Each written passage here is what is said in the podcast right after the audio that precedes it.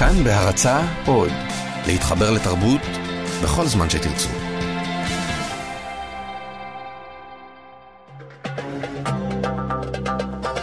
גם כן תרבות.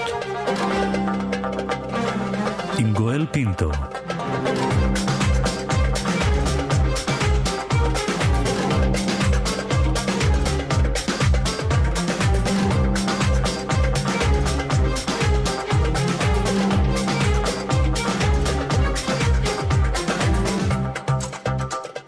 שלום לכם, אני גואל פינטו, גם כן תרבות משודרת בכל יום ברשת כאן תרבות ב-104.9 ו-105.3 FM בין 10 ל-12 וגם באתר כאן ובאפליקציית כאן. אתם עכשיו על פודקאסט גם כן תרבות במהדורת סוף השבוע, בה אנחנו אוספים עבורכם תצרף של קולות מעניינים שהושמעו בתוכנית היומית שלנו. תהנו.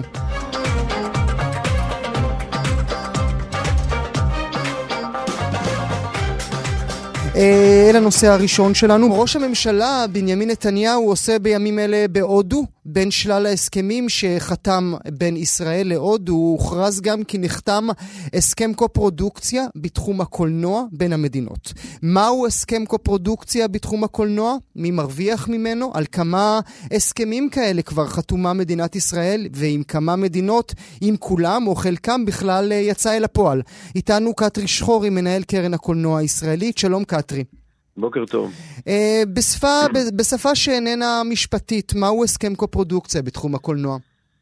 הסכם קופרודוקציה הוא בעצם אמנה בין שתי מדינות, אשר מקלה על שיתוף הפעולה ועל הפקות משותפות, כאשר נגיד ישנו סרט או פרויקט או רעיון שחוברים בו מפיקים משתי מדינות, נאמר במקרה הזה הודו וישראל, mm-hmm. והם רוצים להפיק אותו ביחד, אזי הסכם הקופרודוקציה יאפשר להם שהסרט ייחשב כסרט הודי לכל דבר, mm-hmm. ובארץ הוא ייחשב כסרט ישראלי לכל דבר. למה, שהם, למה מאוד... שהם ירצו לשתף פעולה?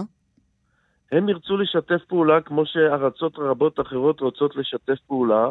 א', בגלל שיש לנו סיפורים חזקים ועוצמתיים, mm-hmm. ב', משום שאנחנו לא מגיעים עם ידיים ריקות, אלא מביאים חלק מהתקציב, ג', בגלל שיש בכל זאת איזושהי תרומה גם חברתית ותרבותית בשיתוף פעולה בין יוצרים ממדינות שונות שמזינים אחד את השני.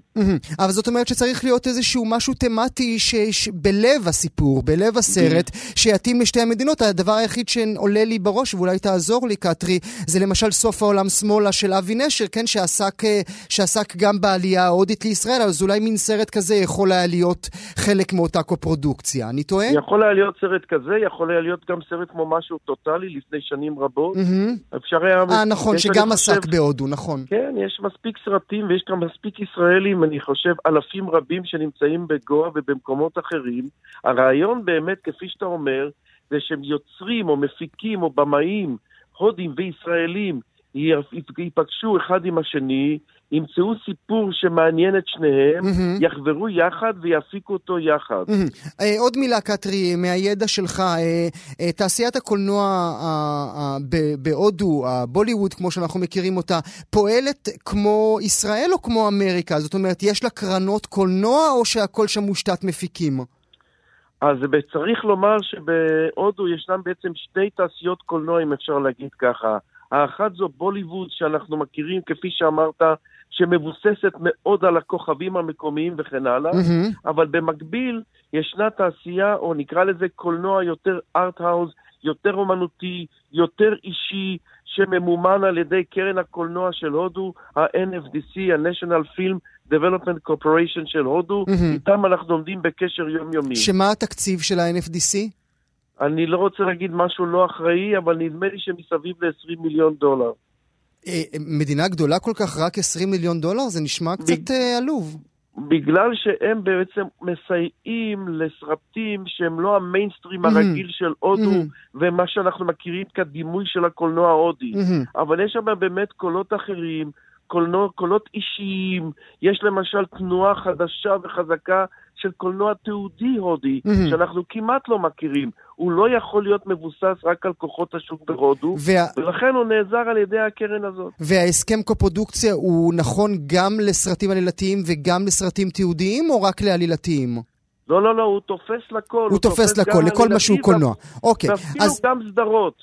אז נגיד שעד פה הבנו, קטרי, כמה הסכמי קופרודוקציה יש בין ישראל למדינות אחרות בעולם? נכון להיום, אה, אם אנחנו מוסיפים את הודו מאתמול, זה 23 מדינות. כשבאתי לקרן, היו לנו שמונה הסכמים, עבדנו קשה מאוד במהלך השנים, הגענו למצב שיש לנו כרגע הסכמים בילטרליים עם 23 מדינות, מהמם. שבמקרה שלנו זה חשוב באופן מיוחד, משום שאנחנו לא, חי, לא חי, חלק מהגופים הפן-אירופאיים והמטריה הפן-אירופאית. שלהם יותר אה, קל. ש- ששם יותר קל, ולכן היינו צריכים ללכת מדינה מול מדינה. תן לי דוגמה למדינות, אני מניח צרפת, גרמניה, אוקיי, זה כל אחד מהמאזינים שלי יכול לדעת לבד, אבל תן לי איזה סרביה כזה או משהו. לא, המדינות השותפות איתנו שגם נוצרו סרטים, ולא רק דיבורים. ולא רק... כי זאת פיסת נייר בסך הכל מהמם. בסופו של דבר. אבל הייתי אומר שעם צרפת היו לנו עד היום, רק בתחום עלילתי, למעלה מ-60 סרטים. לא, לזה, ו- לזה, לזה נגיע עוד רגע, רק תן לנו עוד דוגמאות למדינות נוספות, שמות. אה, יש לנו כמובן את קנדה, את ברזיל, את בלגיה, את אוסטריה, אוסטרליה, ניו זילנד, יוון, הונגריה, איטליה, פורטוגל לאחרונה. אוקיי, אז ספרד, מבין, אז. מבין כל השמות האלה שמנית, אה, כמה באמת מהם יצא ביזנס? כמה מהם באמת הנייר הזה, שכמו שהגדרת אותו יפה, הוא רק נייר, באמת יצא אל הפועל משהו שעזר לתעשיית הקולנוע המקומית? זה עזר בענק, ואני יכול לומר שרק עם צרפת למעלה מ-55 סרטים, עם גרמניה 50, עם קנדה 15, עם פולין 14, עם בלגיה 12, עם איטליה 9, אפילו סרט אחד בקופרודוקציה עם אוסטרליה, אחד עם ניו זילנד ואחד עם קוסובו, of all places, ואחד עם אוסטריה. עכשיו, נמצאו הסיפורים שעניינו את שני הצדדים, ואכן גויס כסף משותף וכל מה שיצא מזה. ואני יכול לומר לך באופן חד משמעי, ששליש מכל הכסף שמושקע בקולנוע הישראלי עלילתי בא מחו"ל. שליש. אני יכול לדבר על הקרן שאני מנהל מאז 2000 ועד היום, למעלה מ-85 מיליון דולר מחו"ל הושקעו בסרטים שאנחנו החלטנו לתמוך בזכות, בהפקתם. בזכות הקופרודוקציות האלה, זאת אומרת, ללא, ללא. אותם הסכמים, אותם 80 מיליון לא היו נכנסים אל הקופה זה של... לא היה קורה, זה מהמם. לא היה קורה. מהמם. אז מדובר במשהו רציני, לא באיזשהו אה, איזשהו, אה, קשקוש. לא, לא, זה מאוד מאוד רציני, וזה מאוד מאוד טוב, וזה מאוד מאוד חשוב. אם היינו חלק מיורי מאז', אם היינו חלק מקריאיטיב יורופ, מהארגונים בפן-אירופאים, חיינו היו קלים יותר. אבל בגלל שאנחנו במצב הזה, אנחנו עובדים על כל המקומות. אנחנו, לא האמנתי שאנחנו עם ברזיל וארגנטינה נחתום הסכמים וניכנס גם לתוך אמריקה הדרומית. מהמם. אז הסכם שכזה אה, אה, מול הודו, קח אותי מעט אה, אל מאחורי הקלעים, היית שותף לו? כן, כן, תראה, תראי, תראה, לנו יש דראפט כזה שאנחנו שולחים. בסך הכל זה, זה, זה בעצם זה טקסט די בינלאומי מוכר, עם קצת ניואנסים פה ושם. זאת אמנה שהיא בעלת אופי תרבותי יותר מהכל. מהמם. למה? בגלל שכל המדינות, יש להם אה, קריטריונים מאוד ברורים איך הם מגדירים מה זה סרט שלהם, מה זה סרט מקומי. מהמם. גם לנו בארץ ישנה הגדרה מה זה סרט ישראלי. ההגדרה היא די קשה, די קשיחה. האמנה הזאת באה בעצם להקל קצת על הקשיחות הזאת מהמם. ולאפשר בכל זאת שיתוף פעולה. היא קשיחה כי, אה, אני רק נותן דוגמאות כדי, ש, כדי להקל על המאזינים והצופים שלנו, היא קשיחה כי היא מחייבת מספר ימי צילום דווקא במדינה, ומחייבת מספר staff, אה, עובדים שיהיו עם אזרחות ישראלית. נכון? על הדברים האלה אתה מדבר. כן, אני אגיד לך את זה במשפט וחצי. כדי שסרט מוגדר כסרט ישראלי על פי החוק, mm-hmm. שלפחות 50, סרט ישראלי ייחשב ככזה, אם לפחות 50% מהתקציב יוצא בארץ, מהמם. או 70% מהשכר משולם לאנשי צוות ושחקנים שהם ישראלים תושבי קבע, והוא הבמאי או התסריטאי חייבים להיות ישראלים. זה ואז... התנאי שמחייב אותנו כקרנות ציבוריות להשקיע. אבל איפה שיש הסכם קופרודוקציה, הטקסט של ההסכם גובר על מה שעכשיו תיארתי, מהמם. ומקל על זה מאוד. זאת אומרת, אם אתה ואני עשינו, נגיד, הסכם קופרודוקציה, שיתוף פעולה, בהסכמים הבינלאומיים הרופחים, השותף הקטן לא יכול להיות פחות מ-20 אחוז, מהמם. והשותף הגדול לא יכול להיות יותר מ-80 אחוז. נגיד שעשיתי הסכם עם הודו המפיק ההודי מביא 80% לשולחן ואני מביא רק 20. הוא יכול לבוא ולומר, אני הבאתי 80 אחוז, אני רוצה גם 80 אחוז של creative input, mm-hmm. של בעצם... של השפעה, ה... כן. של השפעה בסרט, אני הבאתי רק 20, אבל כל הסיפור שתיארתי קודם, של 50 אחוז ו-70 אחוז וכל זה, לא תופס. לא תופס. טוב, מעניין מאוד. אז אה, אנחנו נברך את אה, ראש הממשלה על חתימת ההסכם הזה. קטרי שחורי, תודה רבה לך שהיית איתי הבוקר. תודה רבה לכם. את יצירותיו של ארתור מילר, מגדולי המחזאים האמריקאים, אה, שהביא לעולם יצירות כמו מותו של סוכן, וכולם היו בניי, אתם בוודאי מכירים, אבל מה שאתם לא יודעים זה שמחלוקת איומה עומדת סביב הזכויות על יצירותיו מאז מותו ב-2005. באוניברסיטת טקסס יש 160 קופסאות. 160 קופסאות מלאות ביצירות שלו שמעולם לא נפתחו, מעולם לא קוטלגו ומעולם לא נחקרו. עם הסיפור הפנטסטי הזה, איתנו שירי לב-ארי, מגישת שם תרבות, מגזין החוץ שלנו, המשודר בימים א' עד ג' בשעה שלוש ועשרים. שלום שירי. שלום גואל. שמח שאת איתי, ברוכה הבאה לתוכנית. ברוך הנמצא. סיפור פנטסטי, ארתור מילר, נדמה היה לנו שגדול המחזאים האמריקאים, ברגע שילך לעולמו, מיד כל עבודותיו ייכנסו אל פנתאון ואפשר יהיה לחקור. לא כך, את אומרת לנו. לקח 13 שנה מאז שהוא הלך לעולמו ב-2005, כמו שציינת קודם, בגלל מחלוקת על מה שנקרא ירושה, עיזבון, ארכיון אישי, שהיום, אתה יודע, גואל, ארכיון אישי של סופר מתנהל כמעט כמו יצירת אומנות לכל דבר. יש לזה שווי שוק, יודעים שהערך ילך ויעלה, המחירים קופצים, וכאן מה שקרה זה סיפור שמתחיל בשנות ה-60. וזה גם נחקר, שירי, זה גם נחקר, אפשר גם... להבין יותר. תארי לך שככה בואו נפנטז יחד, תארי לך שפתאום יש שם אה, אה, גרסה אחרת למותו של סוכן. יש שם, יש שם את ההתפתחות של הגרסאות למותו של סוכן, לצד המכשפות, לכל המחזות. לעשות שם זה אוצרות, כי מילר, קודם כל חייבים להגיד, ידע מה הוא עושה. Mm. הוא, יש סופרים, שהוא מחזאי בעיקר, שיודעים... מה הערך של הארכיון שלהם, הוא כתב ביומנים הכל, יש לו יומנים של 8,000 עמודים, תיאר את כל חייו, אה, יש לו סקיצות, יש לו טיוטות, איך מתפתחים המחזות, יש לו מכתבים שהוא כתב, מכתבים שהוא קיבל, דברים עצומים, והוא ידע לתעד את עצמו בעודו בחייו. אז עכשיו, מה קרה ב-13 שנים האלה? מה שקרה, זה עוד לפני זה מתחיל, בשנות ה-60, מילר היה קצר בכסף, קצר במזומנים, והוא היה צריך פטור ממס. מה הוא עשה? הוא העביר 13, 13 ארגזים מהארכיונים שלו, מסמכים. אז כבר הוא פרסם כמה וכמה מחזות אה, מצליחים, הוא כבר היה נשוי למרלין מונרו, תכף נדבר על זה, הוא כבר היה סוג של סלבריטי. הוא העביר אה, לטקסס, לאוניברסיטת טקסס שבאוסטין, 13 ארגזים עם מסמכים שלו ו- וכל הכתבים שעכשיו mm-hmm. פירטנו, בתמורה להקלות מס. ואמר להם, אני יוצר איתכם קשר, בהמשך אני מתעתד להעביר לכאן את הארכיון שלי. ב-83 הייתה פר... אה, שריפה גדולה בבית שלו, mm-hmm. והוא קצת נבהל וחרד למסמכים ולכתבי היד שברשותו, והוא העביר עוד משהו כמו 73 mm-hmm. ארגזים מלאים כל טוב, שוב... לאותו לא... מקום. זה נקרא אה, אה, מרכז אה, אה, רנסום, mm-hmm. מרכז רנסום באוניברסיטת טקסס שבאוסטין, והוא עתה, המשיך איתם את הקשר, וכתב להם גם פורמלית שהוא מתכוון להעביר את הארכיון שלו. Mm-hmm. וגם כמה חודשים לפני מותו העביר להם עוד ארגזים, אוקיי? Okay. Okay? אז מילר בעצם מתכוון לשים את הארכיון שלו. באוניברסיטת טקסס, היו לו איתם קשרים טובים, הוא כנראה גם קיבל תשלומים טובים, mm-hmm. הכל בסדר. מה שקרה אחרי שהוא אה, הלך לעולמו, הוא השאיר את העיזבון ל, ל, לידי מנהלי העיזבון mm-hmm. שלו. אחת מהם זה הבת שלו, רבקה מילר, שהיא גם סופרת נהדרת ובימאית, mm-hmm. ונשואה לשחקן דניאל די לואיס. ורבקה מילר, אבל בעיקר מי שמנהלת את העיזבון שם, אמרו, רגע, זה לא כזה מובן מאליו שזה ילך לטקסס. זה נכון שהוא העביר לשם ארגזים, אבל א', מה עם הכסף? משולב פה גם עניין של...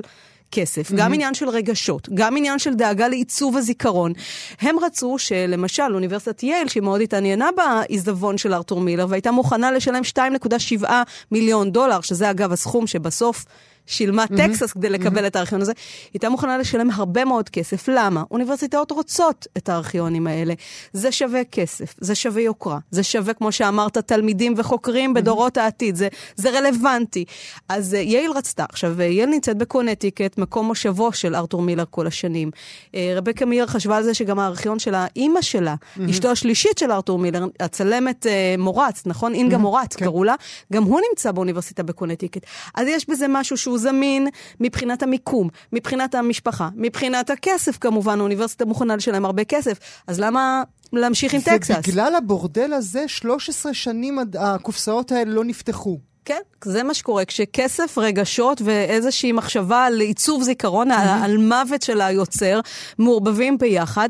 היו הרבה דיונים בין עורכי דין, ובסופו של דבר אנחנו מדברים על זה היום, כי הקרב כנראה הוכרע לטובת טקסס, שזה היה רצונו של מילר בסופו של דבר. כי?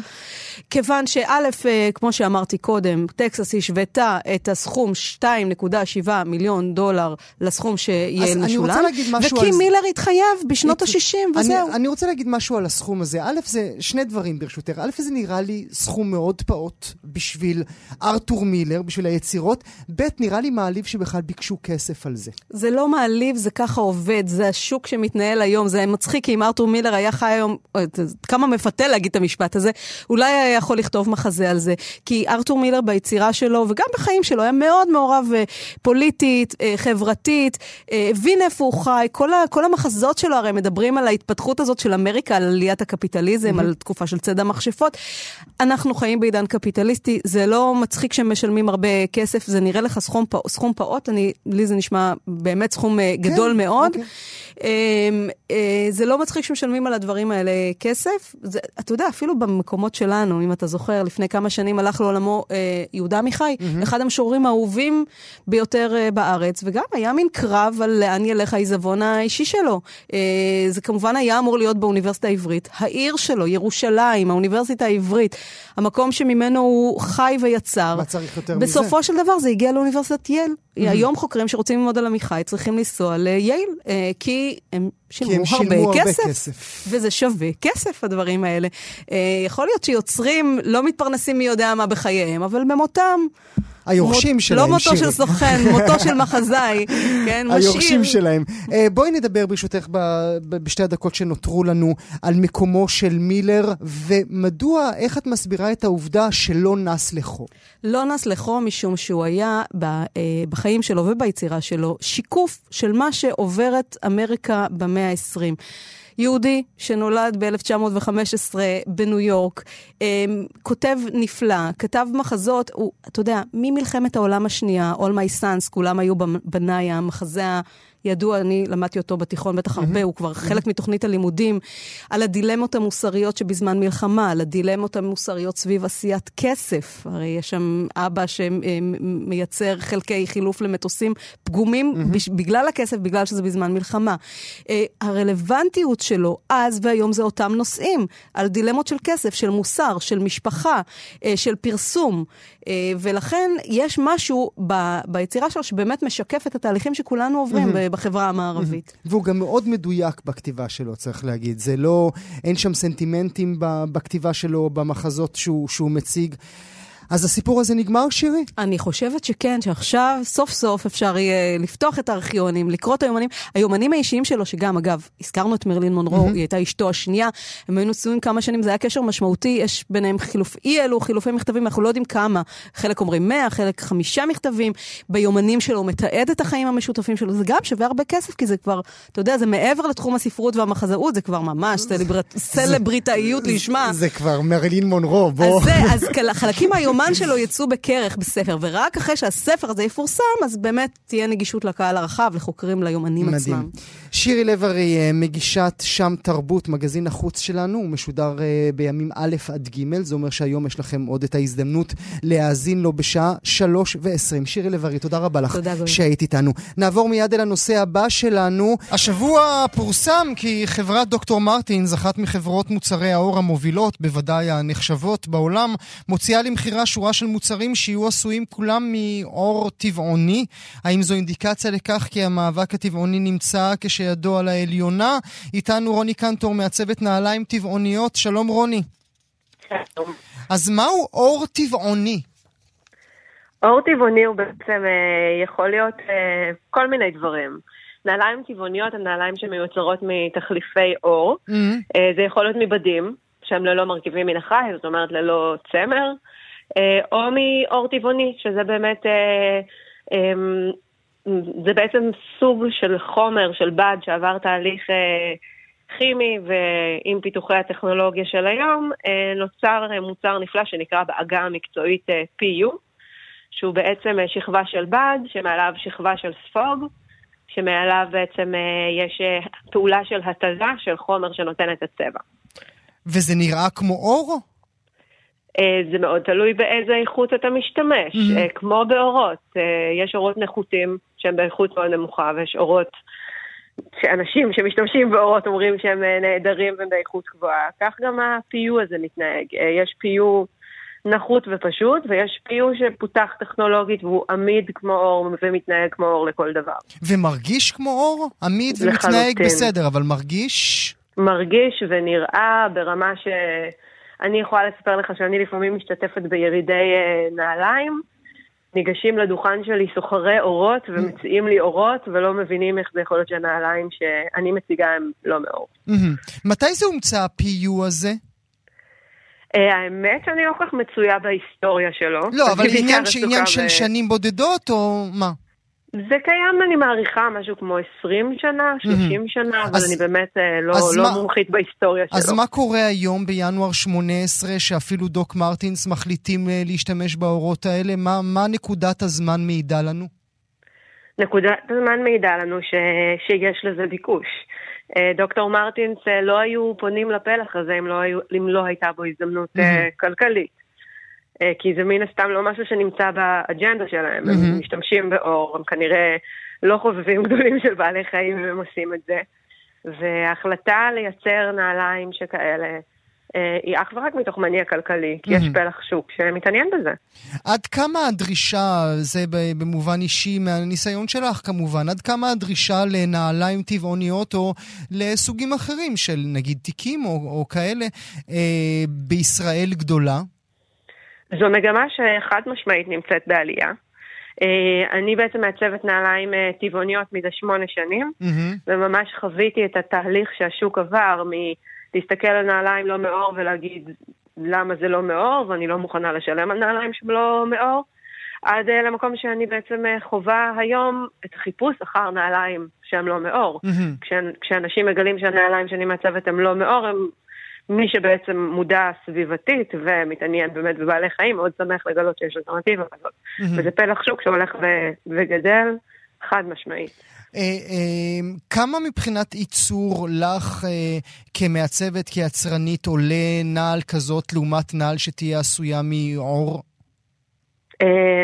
שוב, זה חוזר למה שאמרתי בהתחלה, זה גם באורות וגם בתחליפי אורות. אוקיי, אבל תני לנו 50 אחוז יותר, 100 אחוז יותר. לא, זה לגמרי אותו דבר. זה לגמרי אותו דבר, בהתאם לבחירה של איכות החומר. כן, לא, אבל מתכוונים שניהם מאותו סוג של, שניהם מאותה איכות. כמה... אותו דבר, mm-hmm, לגמרי אותו דבר. אותו דבר. Mm-hmm. לגמרי אותו דבר, שניהם כבר uh, תוצר של... של תעשיות uh, משומנות שיודעות להתאים את עצמו גם לדרישה ולמה שאנשים מוכנים לשלם. אז, אז, אין, אז אין שום סיבה שבכל חנות נעליים לא יהיה חלק שיוקדש לנעליים טבעוניות, אם זה באמת מבחינת ייצור לדורש מהמעצבים אותו סוג של ייצור. בעיניי אין שום סיבה שימכרו נעליים מאור, אבל אם אני אה, הולכת עם הלוגיקה שהצגת, אז בהחלט אין סיבה שלא יהיה לפחות חלק מנעליים, ש... חלק ממה שמוצג בחנויות שהוא לא מאור. וכל מה שאנחנו מדברים בדקות האחרונות, אנחנו מדברים בעצם על, בבסיס של אג'נדה מוסרית, נכון? נכון. לא, לא, לא, לא משהו אחר מלבד אג'נדה מוסרית. כל אחד פועל ממניעים אחרים, אני יכולה להעיד אך ורק על עצמי, אני פועלת מתוך אג'נדה מוסרית, מתוך אידיאולוגיה וכבוד אה, לכל מי, שח... לכל מי ומה שחי. Mm-hmm.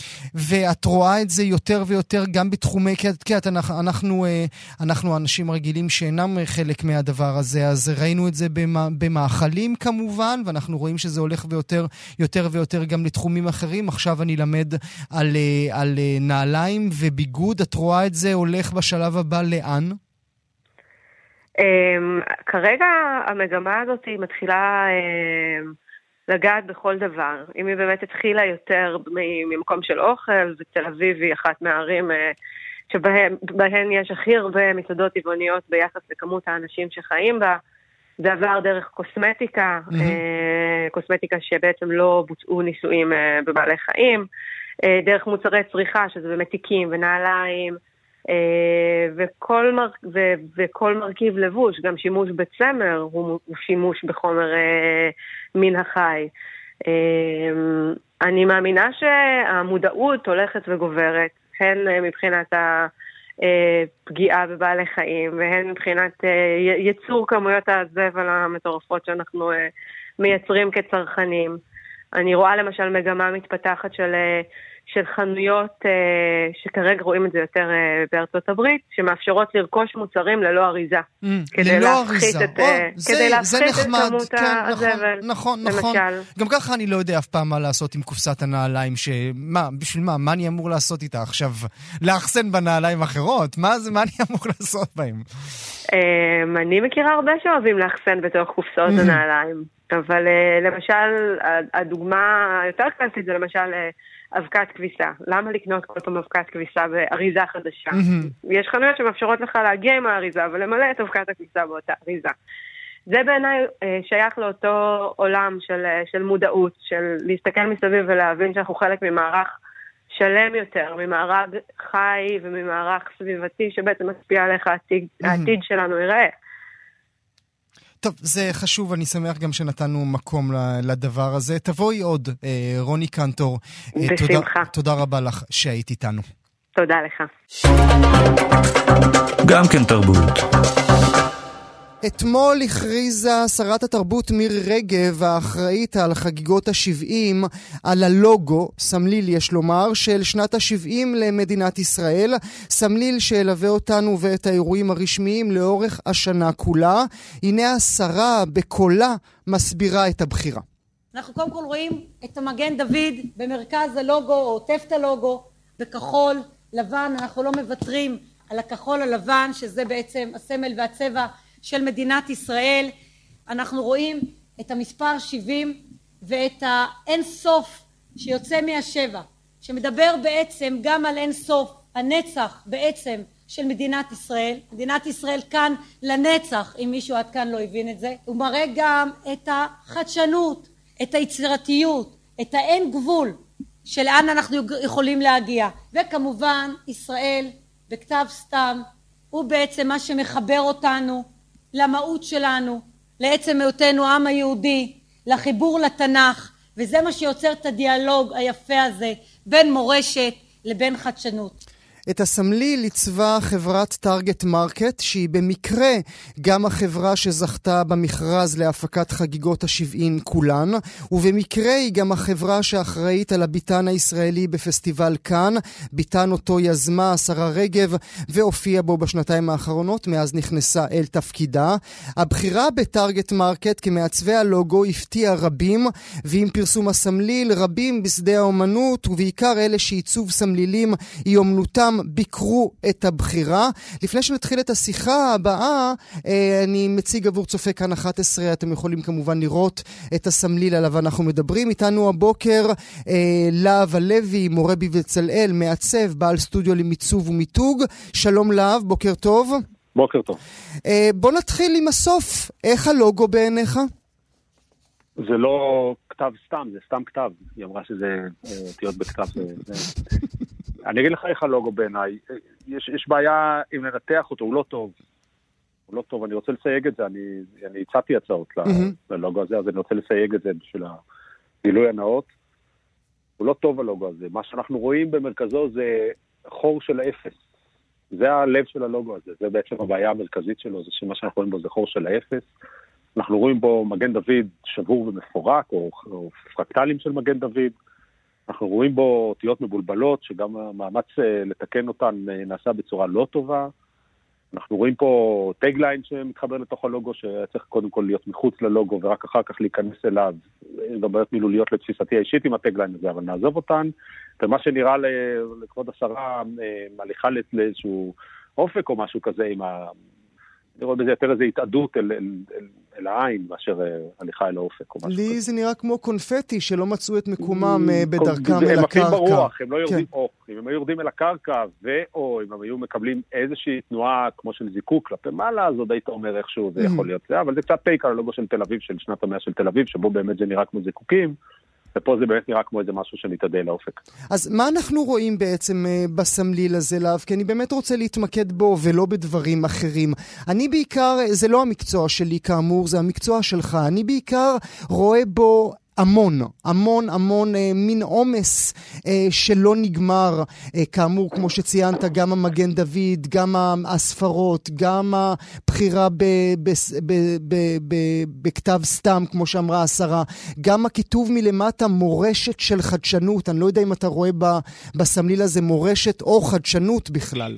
או אף אחד משניהם.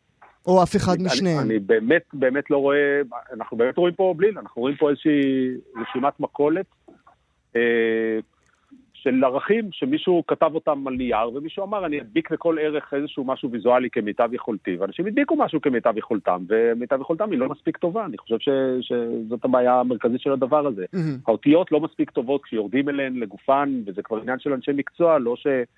לא, לא השרה ולא אף אחד אחר במשרדה צריכים לעשות את זה, אבל כשיורדים uh, לגופן של האותיות ומסתכלים עכשיו על השפיץ בקצה השמאלי העליון של האלף, הוא קטסטרופה, או איך שהאלף מתעכלת אל תוך הלמד, uh, זה קטסטרופה.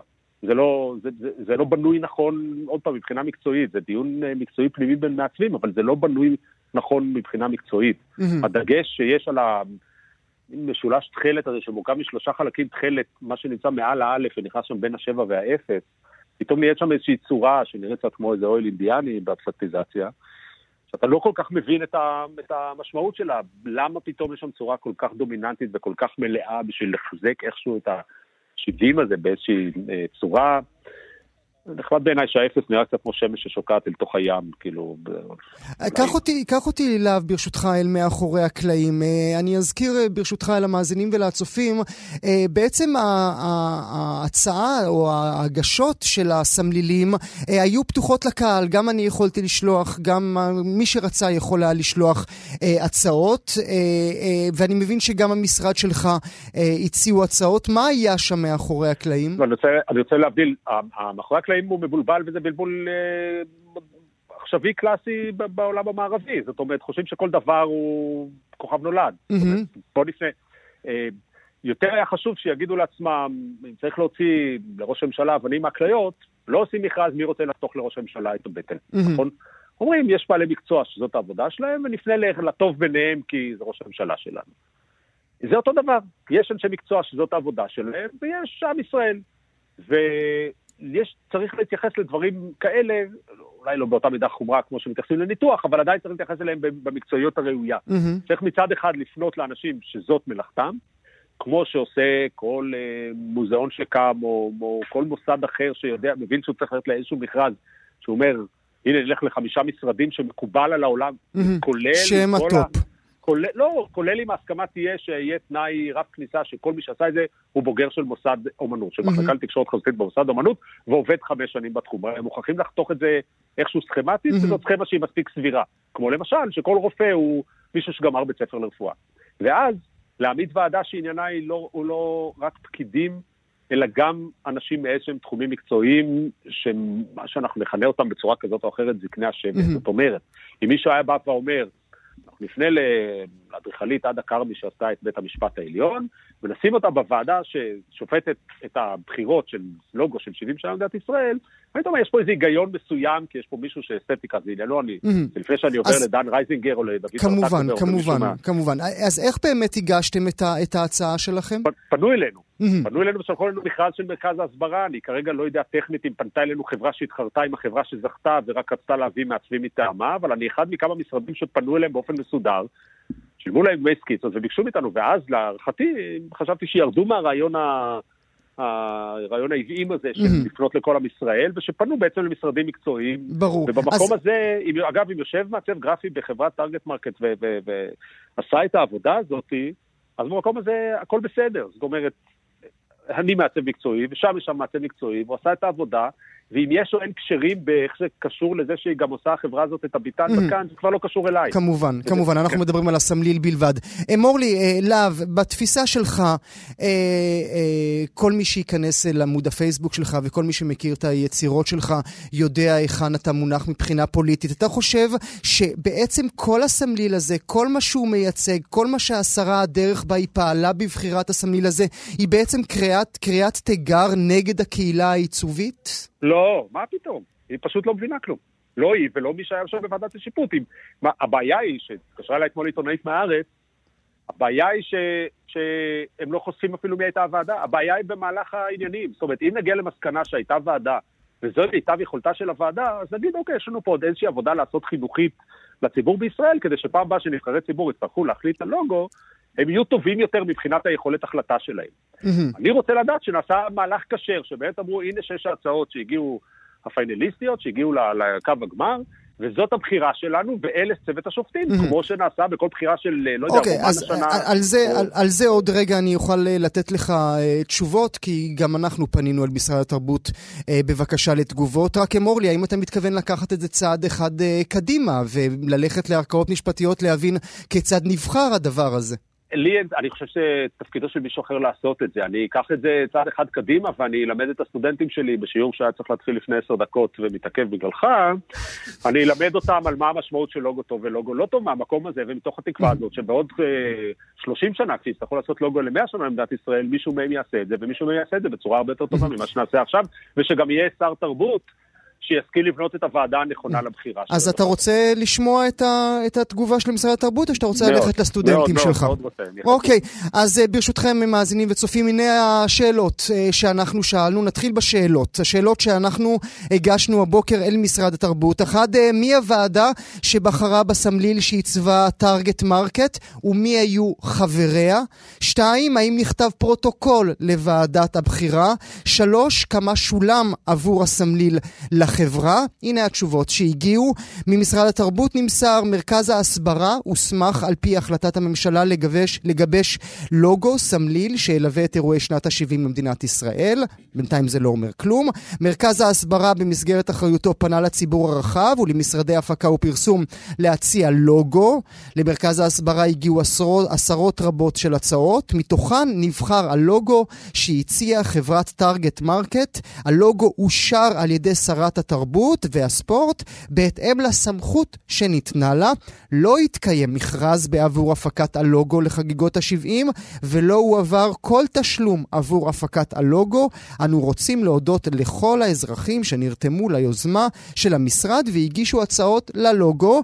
גם השרה מירי רגב באופן אישי הגיבה, אני שמחה שהסמליל שהוצג הוא ממלכתי ומביא לידי ביטוי את הקונספט שעליו הוחלט בוועדת טקסים וסמלים, מסר של מורשת וחדשנות. אז כמו שהבנתם, אנחנו שאלנו שלוש שאלות, לא ממש קיבלנו אה, אה, תשובות מי היה בוועדה, מי היו חברי הוועדה, והאם נכתב פרוטוקול לוועדת הבחירה. מה אתה רוצה לומר, להב? א', שקיבלתי כסף, קיבלתי דמי סקיצות, אז אני לא יודע מה התשובה הזאת, ואני לא יודע ממי קיבלתי אותן, אבל זאת אומרת, הוצאתי עליהם חשבונית, אבל לא קיבלתי אותן פיזית, אבל mm-hmm. יש לי הסכם חתום עם מישהו שבקצהו יש לוגו של מרכז ההסברה ושל אה, אה, משרד התרבות והספורט, אז... אה, אז אה, אני לא יודע מה להגיד על זה, כאילו, התשובות האלה הן תשובות באוויר, כאילו, ברור שהשרה הוסמכה, רק אה, התהליך הזה צריך להיות תהליך מעט יותר תרבותי, אנחנו מכירים את זה בתחומים אחרים שבהם אנשי ועדות פסלו את עצמם כשמתברר שיש איזו סמיכות יתר של מישהו בתוך הוועדה למישהו שזכה באיזשהו פרס או משהו כזה, אבל קודם היינו רוצים לדעת בכלל מה, מה המהלך בצורה הכי שקופה והכי פתוחה, כי אחרת הוא לא מהלך סביר. אנחנו, אנחנו, בלי קשר ללוגו הנבחר. אנחנו כמובן בתוכנית אה, נהיה על הסיפור הזה. להב הלוי, מורה בבצלאל, מעצב, בעל סטודיו למיצוב ומיתוג, תודה רבה לך שהיית איתי הבוקר. תודה לך, יום טוב. למעלה ממאה אלף איש ואישה ביקרו בתערוכת שניים של האומנית אה, לואיז בורז'ואה, המוצגת במוזיאון תל אביב לאומנות. הקוריאוגרפית והרקדנית יסמין גודר מבחירות עולם המחול הישראלי תעלה ביום שבת לערב אחד בלבד במוזיאון, במוזיאון תל אביב, את המופע שתיים שעשוע ורוד שמתכתב עם האומנות של אה, בורז'ואה. היא איתנו הבוקר. שלום יסמין. שלום. אה, למה את צוחקת? אה, נחמד, נחמד לשמוע על החיבור עם לואיז בוז'ואה, זה סוג של כבוד. את אה, צפית בה, הכרת אותה עוד טרם היא הגיעה אלינו לתל אביב? אה, בטח, כן, אני עוקבת אחרי היצירות שלה כבר הרבה שנים. אני מניח שאת מתכוונת אה, או, או את רומזת לעכבישים שלה שנודעו אה, בעולם, אה, בעולם כולו, אבל כאן באמת בהגעתה אל תל אביב אפשר היה, יכלו המבקרים להכיר מכלול רחב יותר של העבודות שלו, שלה. מאיזה מקום את מתחברת אליה? האמת שעם העכבישים נפגשתי דווקא בשלב מאוחר יותר. Mm-hmm. אני הכרתי באמת יותר את הפסלים, את האינסטליישנים, את ה... את הדברים שהיא בנתה אפילו לגוף שלה. היא עניינה אותי בתור יוצרת אה, מבוגרת יותר, ש, שככה ממשיכה לחקור ולעבוד עם מלא מדיומים, וכל פעם מביאה את זה מכיוון אחר. זה יכול להיות תפירה, זה יכול להיות אה, עבוד פסל, וזה יכול להיות אה, באמת אה, דימויים שהיא מציירת. Mm-hmm. כזה באמת אה, סוג של... אמ, איזה משהו מאוד רחב ומאוד עשיר בעשייה שלה. והזכרת את היותה אה, מבוגרת, באמת זה אחד המקרים המאוד יפים שתמיד צריך לזכור. אה, הצלחתה של בורז'ואה הגיעה לה, ההצלחה הגדולה, כן, המונומנטלית, הגיעה לה בגיל כן. מבוגר יחסית, וזה תמיד, אה, כן. זה תמיד נעים ונחמד. מה את הולכת לעשות בשתיים שעשוע ורוד? שתיים שעשוע ורוד זאת יצירה שלמעשה לשתי נשים שנמצאות על הבמה כ-70 דקות. וזאת יצירה שמורכבת משלושה חלקים, כאשר כל חלק בוחן את הנושא של המבט, זאת אומרת, בגייז, מה שנקרא, המבט mm-hmm. על האישה, על הגוף הנשי. משתמש בתחום המחול כמקום ל, אה, באמת להתעסק בזה, לבחון את זה מקרוב. זאת אומרת, מעצם העובדה שיש אישה, גוף נשי על במה, זה מאפשר להתייחס רגע לאיך שאנחנו מתבוננים על הגוף הנשי. אבל גם מהכיוון השני, איך הרקדניות תופסות את עצמן. אל מול המבט הזה, ואיך הן מתמודדות איתו. וכשאת אומרת גייז, אני דווקא חושב בהייה. אה, נכון, יש מימד של בהייה, של הבהייה, האם, בא, האם זאת בהייה שנובעת מתוך איזה אה, פסיביות, הגנה, אה, מצד אחד, מצד שני זה גם הגייז, אה, זאת אומרת, המבט ש, שאישה מתמודדת איתו במרחב הציבורי. וזה נושא גדול וענק בפני עצמו, וגם זה, זה גם המבט חזרה. Mm-hmm. זאת אומרת, אה, נכון שבמושג גייז, אם, אם מתרגמים את זה, זה, זה בהייה, אבל יש לו איזושהי תפיסה פילוסופית קצת יותר אה, רחבה בנוגע ל, ל, לשאלה אודות המבט. עכשיו, את מדברת על שתי נשים שנמצאות על במה, חזרת על המילה הזאת. במה ממש, נכון. יסמין? כן, במה, במה במה. זאת עבודה שהאמת שהיא נוצרה במקור ב-2003, וזאת עבודה שאני הופעתי בה, אה, ביחד עם איריס ארז, אה, שאיתה עבדתי הרבה שנים, והיא מאוד מיועדת לבמה. אה, על אף זאת שהיא מוצגת במוזיאון, היא דווקא היא משתמשת בקונבנציה הזאת של המדיום, בזה שיש במה מוגבעת שעליה ההתרחשות קורית ומנצלת את ההזדמנות לקיים את השיח הזה mm-hmm. על הגוף, על, הנש, על נשיות, על מפגש בין שתי נשים. ו... מאפשר איזשהו פוקוס. וכל זה כשעבודותיה של לואיז בורז'ואה סביבך, סביב הבמה, סביבכן? אה, אנחנו בעצם אה, חלק מאירוע אה, הנעילה של התערוכה, mm-hmm. אז זה לא מתקיים באותו חלל, זה אל מול החלל של הגלריה. אז בעצם יש הזדמנות לראות את התערוכה, mm-hmm. לחוות אותה, ואז לראות את המופע. ואז לקבל את ההשלמה, את הדיאלוג. בדיוק, בדיוק. את מדברת על גוף. במה זה שונה? הרי עולם המחול, בוודאי העבודות שלך, אבל אולי גם ככותרת על, על כל עולם המחול, הוא תמיד עוסק בגוף. נכון, נכון, אבל לפעמים הוא מובן מאליו. אתה צודק. אבל זה בדיוק היופי של, שלשים בן אדם על במה זה דבר פוליטי. Mm-hmm. יש מגדר, יש גוף שכבר מתקשר משהו, יש, אה, יש איך שאנחנו קוראים את הגוף הזה. ואני חושבת שמה שאני מנסה לעשות בעבודה הזאת, בשתיים שעשוע ורוד, אבל גם בעבודות אחרות שלי, זה להנכיח את השאלות האלה שעולות אל מול, ה, אל מול העמדה הזאת. Mm-hmm. זאת אומרת, לא רק להביא את זה כמובן מאליו, שהנה יש פה מישהי והיא רוקדת מולי, והיא רוקדת נורא יפה, וזה בסדר, הכל טוב, אבל איזה עוד תכנים עולים שהם אולי מתחת לפני הקרקע, איזה עוד אה, אלמנטים יש שם שאנחנו יכולים בעצם להנכיח אותם דרך Mhm. העבודה עצמה. ותנועת מיטו שאנחנו בליבה משנה את המבט, או משנה את המבט שאת דורשת ממני כצופה שיהיה לי?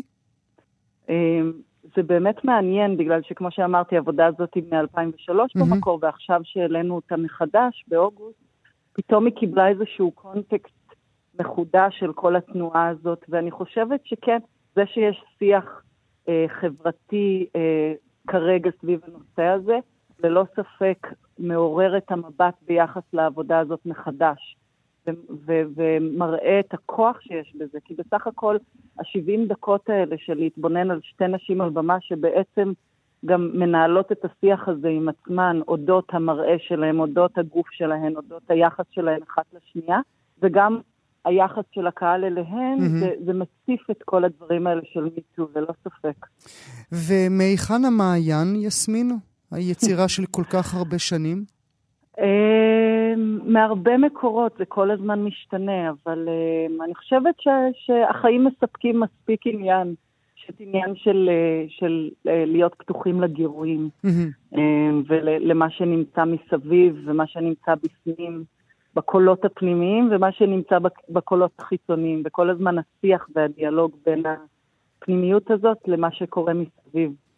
בעולמות שלך ובעמדה אליה הגעת, עוד יש רגע שאתה מתעורר באמצע הלילה ואומר, המצאתי תנועה חדשה?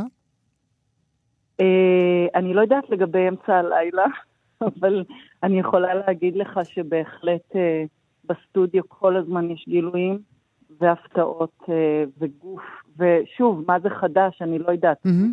הגוף הוא תוצר של, של DNA של שנים, ככה שאני אני לא יודעת אם אני זאתי שהמצאתי את התנועה הזאת, או שהיא בעצם צפה מתוך העבר, מתוך אה, פרה, הפרה-היסטוריה, אבל, אה, אבל אין ספק שיש הפתעות, ויש, אה, ויש דברים שמתחדשים גם. גם המפגש עם חומרים תנועתיים מהעבר מעוררים דברים חדשים בתוך התודעה. ומייצרים איזה תהליך חדש בתוך הגוף. שהוא ו- כל הזמן משתנה, כן?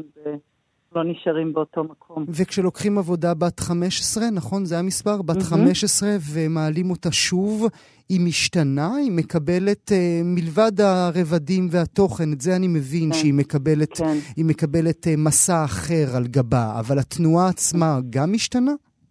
אמ, בגדול זאת החלטה אומנותית. אני בחרתי שלא לשנות את העבודה, כי זאת עבודה שכתובה מאוד אה, במפורט, ורציתי לאפשר לה להיאמר באותו אופן, אבל המ- המבצעות הן שתי מבצעות חדשות, ואני מהמם. חושבת שאפילו התרגום של הגוף שלהן, את, את אותן תנועות, כבר משנה. כן. מעורר, כן, דברים בוודאי. חדשים.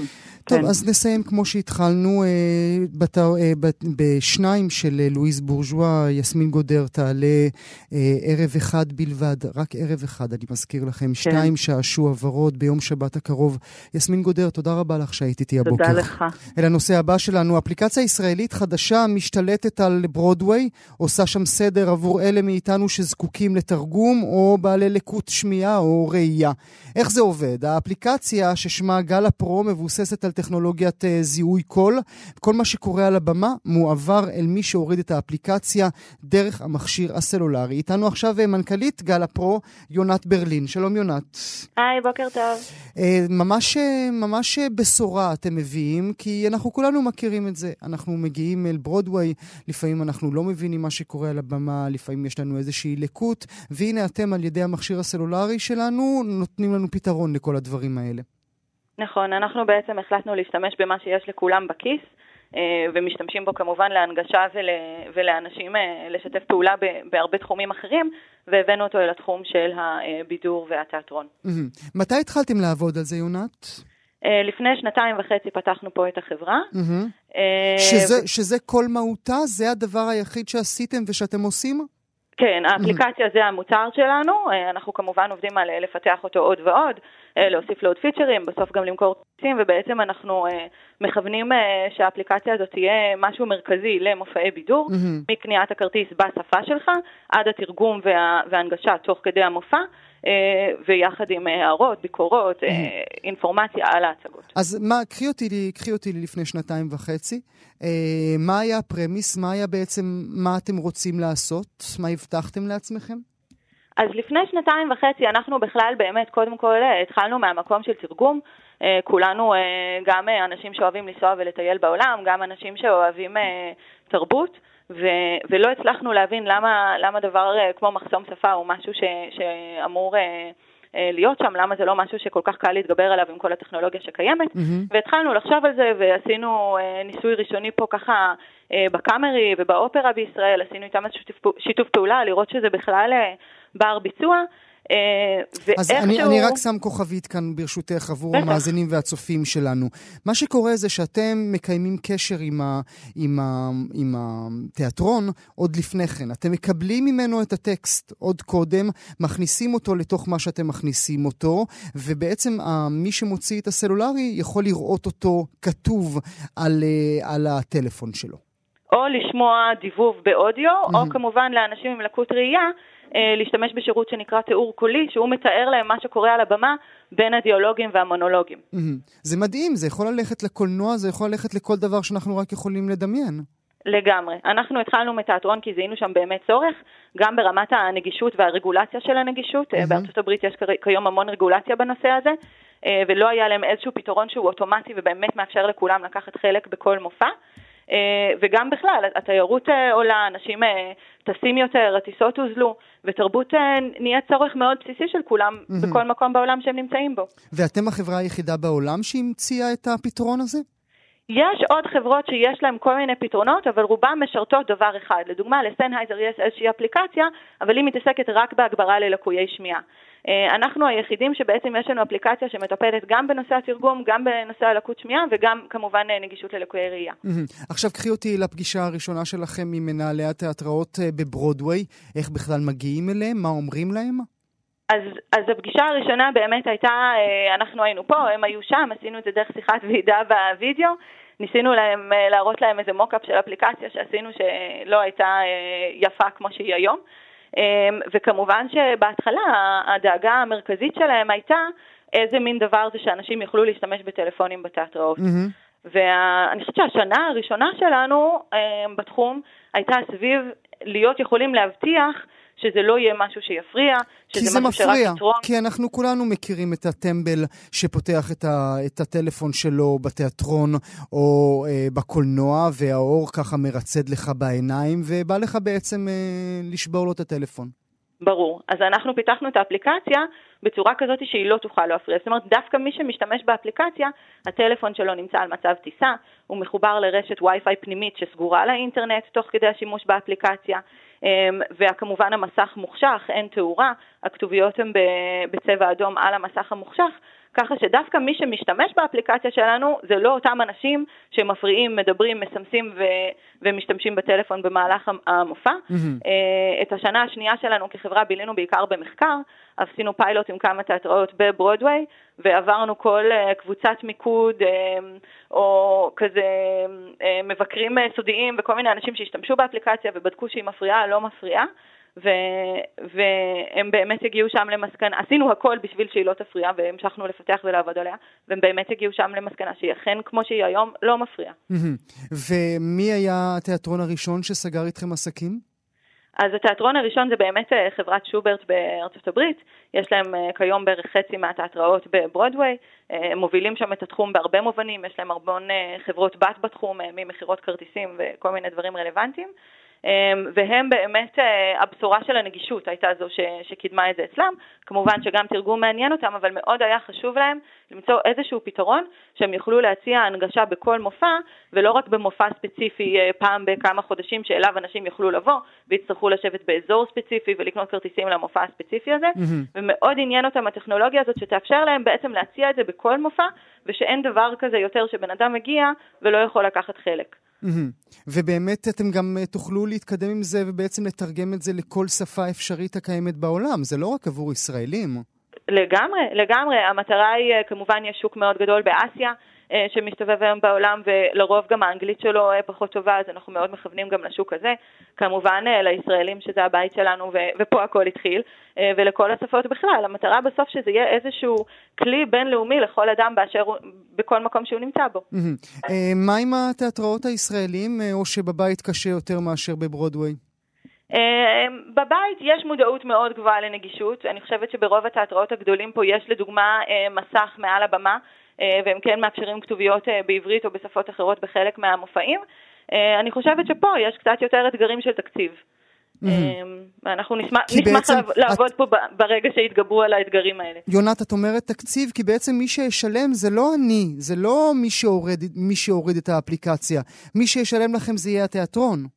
נכון. והתיאטרון נכון. צריך לעשות את ה... לא לוקחים כסף מהמשתמשים. הוא יצטרך, התיאטרון יצטרך לעשות את החישוב האם כדאי לו אה, להשקיע במין דבר כזה שהוא בטח חוזר כל פעם, כל הצגה מחדש הוא, הוא חוזר אה, תמורת הרווחים שהוא ירוויח בזכות זה. נכון, המטרה היא בסוף, בעצם אנחנו מאמינים שתיאטרון יכול למכור יותר כרטיסים ברגע שהוא מציע את השירותים האלה, כי הוא פותח את השערים שלו למגוון רחב יותר של קהל. Mm-hmm. כמה משתמשים יש לכם כבר דה פקטו? אנשים שמשתמשים בזה כשהם מגיעים לברודוויי? אז השקנו באופן רשמי אה, ממש אה, השבוע, אנחנו עובדים כבר בכמה תיאטראות במתכונות של אה, פיילוטים, עד היום השתמשו באפליקציה כמה אלפי אנשים. ועכשיו אנחנו מתחילים לשווק ולמכור יותר ובאמת להתרכז בלהגביר את המודעות לעובדה שהמוצר הזה קיים. אז בואי יונת נעזור למאזינים והצופים שלי, מה הם צריכים לעשות כדי להוריד את האפליקציה הזאת? אז האפליקציה נמצאת בחינם בכל חנויות האפליקציות, בפלייסטור, בגוגל פליי. וכמובן בחנות של אפל, מקישים גלה פרו, G-A-L-A-P-R-O, במילה אחת, והאפליקציה יורדת בחינם, יש שם רשימה של כל התיאטראות שאנחנו עובדים בהם, אפשר גם לראות רשימה של התיאטראות באתר שלנו, ובכל תיאטרון שאנחנו עובדים בו, תקנו כרטיס, תשתמשו באפליקציה, תהנו. אנחנו גם חושבים שהעובדה שיש כתוביות בשפת המקור, אה, זה משהו שיכול מאוד להועיל לאו דווקא לאנשים עם לקות שמיעה או, או הגבלת שפה. לכל אחד, כמובן, אלא לכל אחד, בוודאי. כי אנחנו נוהגים להשתמש בכתוביות אה, בכל מיני מצבים. בוודאי. טוב, אז אם אני צריך אה, כרטיסים לברודווי, את הכתובת שלי? כן, בטח. יונת ברלין, מנכ"לית גל הפרו, תודה רבה לך שהיית איתי הבוקר. תודה רבה, שיהיה יום טוב. כאן הגיעה לסיומה תוכנית נוספת של גם כן תרבות. תודה רבה שהייתם איתנו. תודה לעורך נדב אלפרין, למפיק שלומי בן עטיה. אה, אנחנו כרגיל שולחים אתכם אל עמוד הפודקאסטים שלנו. כאן.org.il/פודקאסט, יש שם המון דברים טובים, שיהיה לכם כיף להאזין להם. תודה רבה שהייתם איתנו.